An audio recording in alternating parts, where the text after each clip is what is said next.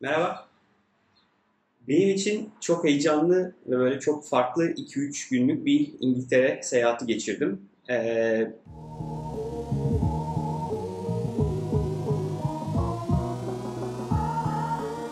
Perşembe günü akşam normalde Londra'ya uçacaktım. Cumartesi akşam da Londra'dan dönecektim. Ee, bunlar oldu. Fakat 1 Nisan günü bir telefon aldım. Daha önce uçak biletlerimi almıştım, otelimi her şeyi ayarlamıştım.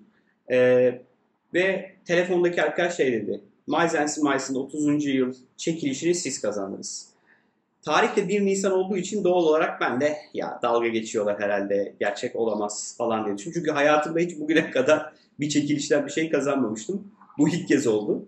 Ee, Miles Smiles ekibine çok teşekkür ediyorum. Gerçekten böyle çok özel bir tecrübe yaşama şansım oldu. Ne yaptım? E, Türk Hava Yolları beni e, uçak biletlerimi almıştım. Kendi uçak biletlerimi iptal ettim. Otel iptal ettim. Uçak, otel, transfer her şey Türk Hava Yolları, Miles and Smiles ekibi karşıladı. E, ve esas eğlenceli ve bence çok böyle unik olan şey e, Metropolitan Stüdyosu'nda neresidir derseniz e, aslında aklınıza gelebilecek birçok e, ünlü şarkıcının kayıtlarını yaptığı stüdyoda e, bir iki saate yakın bir mix eğitimi aldım. Yani işte bütün o enstrümanlardan gelen e, seslerin e, nasıl farklı e, teknolojiler kullanılarak daha iyi hale getirildiği e, fotoğraflarını da koyuyorum. Bakma şansınız olur. E, Adele orada albüm kaydetmiş. Benden bir hafta önce Elton John oradaymış. E, yeni bir projesi için orada kayıt yapmış. Onu da fotoğrafını koyacağım. E, o binadaydım yani. Bina zaten kendi başına muhteşem bir yer. E, Strict Line'ın e, yani bir metro line'ı, metro hattı. O hatta elektrik sağlayan eski bir aslında e, elektrik e, aksamının, e, jeneratörlerin olduğu bina e, daha sonra uzun yıllar önce stüdyo haline getiriliyor. E, Kurt Cobain orada kayıt yapmış. E, ne bileyim Amy Winehouse da aynı stüdyoda bana şarkı söylettiler. Herhalde en zor kısmı orasıydı.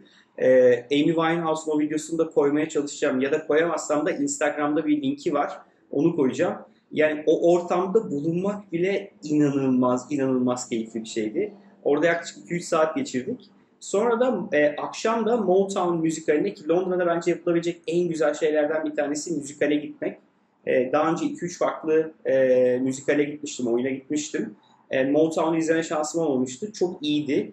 E, eğer gitme şansınız olsa, gerçi şu, bu haftadan sonra bir İngiltere ve Avrupa turnesine çıkıyorlarmış. Herhalde birkaç ay Londra'da oynamayacaklar. Ama gerçekten çok iyi bir müzikaldi. Müzikali sonunda hayatımda ilk kez backstage'e geçip yani sahne arkasına geçip e, sanatçılarla tanışma ve sohbet etme şansım oldu. E, gerçekten böyle ağzım kulaklarımda döndüm. Yani sadece bunları mı yaptın? Yok benim esas gitme amacım zaten toplantılarım vardı Cuma günü. E, onları da yapma şansım oldu. Ama gerçekten böyle Londra'da böyle çok e, stressiz, keyifli bir iki gün geçirdim ve e, cumartesi gecesi geldim. Bir önceki bölümde e, havaalanının gidişindeki e, memnuniyetimi iletmiştim. E, dönüşü daha zor oldu.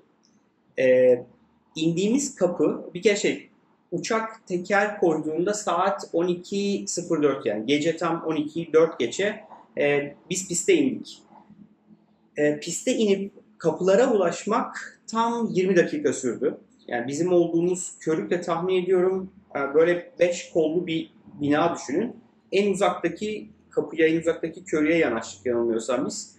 Tam yerimizi e, nereye yanaştığımızda tam böyle e, emin olmasam da e, yaklaşık 3-4 dakika sonra yani 7 e, 27 geçe ben terminale girdim. Körükten terminale girdim e, terminalin içerisinde yürüyüp pasaporta gidene kadar yanılmıyorsam 20 dakika geçti. Yani 20 dakika boyunca hem o yürüyen bantlar hem merdivenler vesaire 20 dakika sonra pasaport pasaportta bu arada o kadar fazla ve şey ki e, geniş olduğu için hiç sıra beklemeden yani bir iki kişiyle beraber geçtim. Tabii gecenin de yarısıydı. Hani onun da etkisi olmuş olabilir.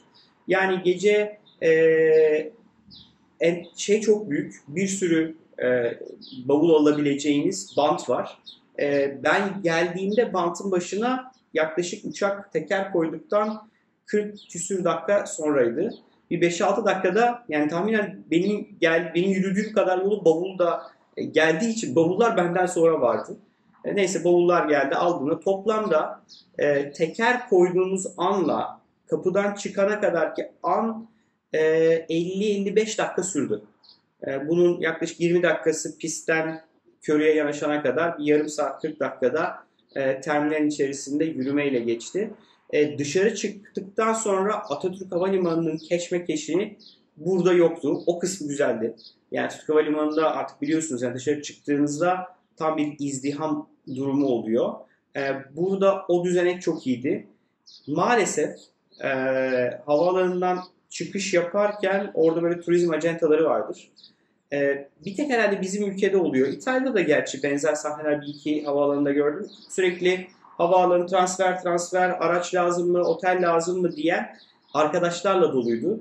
Ya o kadar güzel bir bina, o kadar güzel bir sistemin kurulduğu yerde hiç yakışmıyor ya. Gerçekten yakışmıyor. Tam böyle bir hani ne diyeyim e, böyle 80'lerin 90'ların dünyasında geri dönmüş oluyorsunuz. O binanın içerisine çok yakışmayan bir sahneydi orası.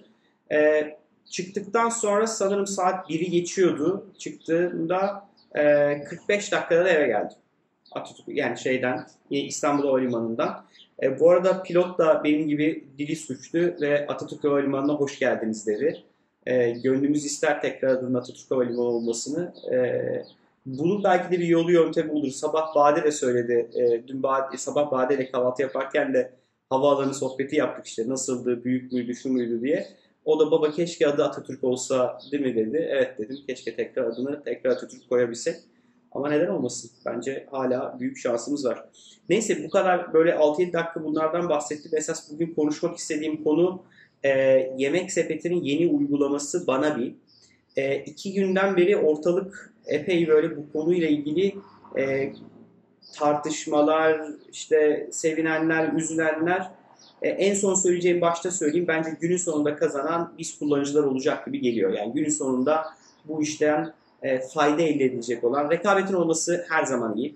E, sadece tek oyuncunun olduğu her pazar bence e, müşteriye zarar veriyor. E, o yüzden tek bir oyuncunun olduğu, tek bir şirketin orayı domine ettiği, tekelleştiği her şey e, günün sonunda kullanıcıya, ekosisteme zarar verdiğine inanıyorum. Bu konu da öyle. E, evet Yemek Sepeti artık bana bile getire rakip oluyor, olacak. E, şu an çok kısıtlı bir bölgede. Bildiğim kadarıyla Anadolu yakasına daha servis yapmıyor. E, ama ilk herhalde bu e, kim süspanse ediyor bilmiyorum ama günün sonunda şu an getirin fiyatlarına göre %15-20 civarı daha ucuz görünüyormuş okuduğum yorumlara göre. Daha deneme şansım olmadı çünkü Anadolu yakasında oturuyorum. E, ve e, günün sonunda bence bu hizmette süre evet çok önemli. Ama süreden daha önemli olan şey bence fiyat olacak.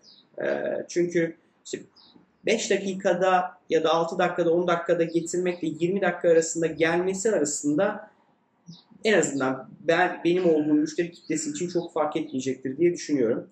Ee, şu an galiba iOS uygulaması gelmiş. Android ve e, webde faaliyete girecekmiş. E, onlar da herhalde yakın tarihte çıkıyor olacaklar. E, Tabii yemek sepetinin inanılmaz bir müşteri kitlesi var. İnternetten sipariş vermeyi bilen bütün kullanıcılar yemek sepetini kullanıyor. Ee, bakalım önümüzdeki dönem ne gösterecek? Ben böyle heyecanla bekliyorum e, buradaki çekişmeyi. Ama esas rekabet sanırım daha çok yerel zincirler, perakende zincirleriyle işte e, Banabi ve e, Getir ve Migros'un yeni hizmeti arasında yani o geleneksel perakendecilikle evet teslimat e, perakendeciliği arasında esas çekişme var. Yani ben getirin ya da yemek sepetin birbirinin pazarından kullanıcı alacaklarını değil, bugünkü geleneksel perakendeden müşteri çalacaklarını düşünüyorum. O yüzden e, rekabet bence çok birbirleri arasında değil. Tabii ki ilk günlerde biz daha çok bu patırtıyı duyacağız çünkü aynı işi yapan iki şirketten bahsediyoruz. İkisi de çok iyi. Yani bir taksi ekibi, getiri ekibi çok güzel bir ekip. Yemek sepeti ekibi çok güzel bir ekip, tecrübeli bir ekip. E, de kurucularını e, çok saygı duyduğum kurucular. Ekosisteme çok katkı sağlamış kurucular. E, o yüzden Ee, önümüzdeki dönem bakalım. Günün sonu dediğim gibi kullanıcılar bizler kazanacağız gibi gözüküyor bu işte. Sizin görüşlerinizi merak ediyorum. Siz ne düşünüyorsunuz bu konuda? Ee, lütfen yorumlara yazın. Bölümü beğendiyseniz likelayın. Ee, sosyal medyada paylaşıp bize destek olun. Bu arada hala ve hala kanala abone olmayan ve bölümleri izleyen %50'den biriyseniz lütfen kanala abone olmayı unutmayın. Ee, bu ara yine böyle. Armağan'la hemen hemen her gün video koymaya çalışıyoruz. Ee, geçen hafta canlı yayın da vardı. O canlı yayın işini sanırım bir 2-3 haftada bir yapsak iyi olacak. Ee, çok böyle pozitif yorumlar almaya başladık. Ee, hem bizi hem Gümlet Medya'nın diğer podcastleri tüm podcast uygulamalarından dinleyebilirsiniz. Bildiğiniz gibi Gümlet Medya ile beraber çekiyoruz bu bölümleri. Girişimci muhabbeti, serbest oyun imalatı, paraşütlü üretim bandı ve mücadele 4 podcast daha var bizim dışımızda Gümlet Medya'da. Aynı zamanda Bakış Açısı podcastini sevgili Mehmet ve podcastinde sizlere tavsiye ediyoruz. Görüşmek üzere.